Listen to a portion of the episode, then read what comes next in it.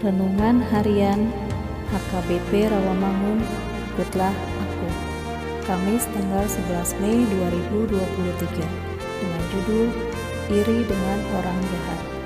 Bacaan kita pada pagi ini tertulis dalam 1 Timotius pasal 4 ayat 1 hingga 11 Bacaan kita pada malam ini tertulis dalam Injil Markus pasal 8 ayat 34 hingga 38 dan kebenaran firman Tuhan yang menjadi ayat renungan kita hari ini tertulis dalam Amsal pasal 24 ayat 1 yang berbunyi Jangan iri kepada orang jahat, jangan ingin bergaul dengan mereka.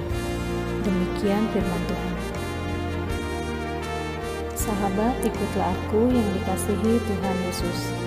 Sering sekali orang melihat perjalanan hidup tidak adil ada orang baik tapi nasibnya kurang baik. Sebaliknya, ada orang yang jahat tapi nasibnya mantap. Akibatnya orang bisa iri dengan orang-orang seperti itu. Terdengar aneh bukan? Tapi ini realita dan fakta. Masih banyak orang yang terpesona bahkan iri melihat kehidupan orang jahat yang seperti itu. Orang yang tidak bertahan teguh dalam kehidupannya tentu saja akan mudah jatuh dalam kehidupan yang serupa. Firman Tuhan hari ini mengingatkan kita supaya menjadi orang yang berhikmat, orang yang mengandalkan kebijaksanaan dengan berpikir berulang-ulang untuk iri kepada orang jahat. Karena iri hati menimbulkan kedengkian, bahkan akan menjadi orang yang sama dengan cara hidup orang jahat itu. Tuhan menasihatkan orang percaya supaya berhikmat, tidak juga bergaul dengan mereka. Karena bergaul berarti akrab, dekat, mendapatkan bagian dari kehidupan mereka, dan menjadikan mereka bagian dari kehidupan kita.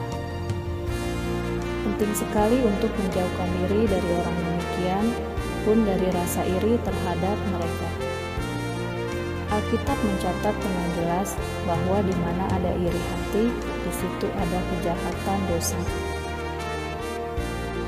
Bahkan itu disejajarkan dengan penyembahan berhala, sihir, perseteruan, perselisihan, iri hati, amarah, kepentingan diri sendiri, percederaan, roh pemecah.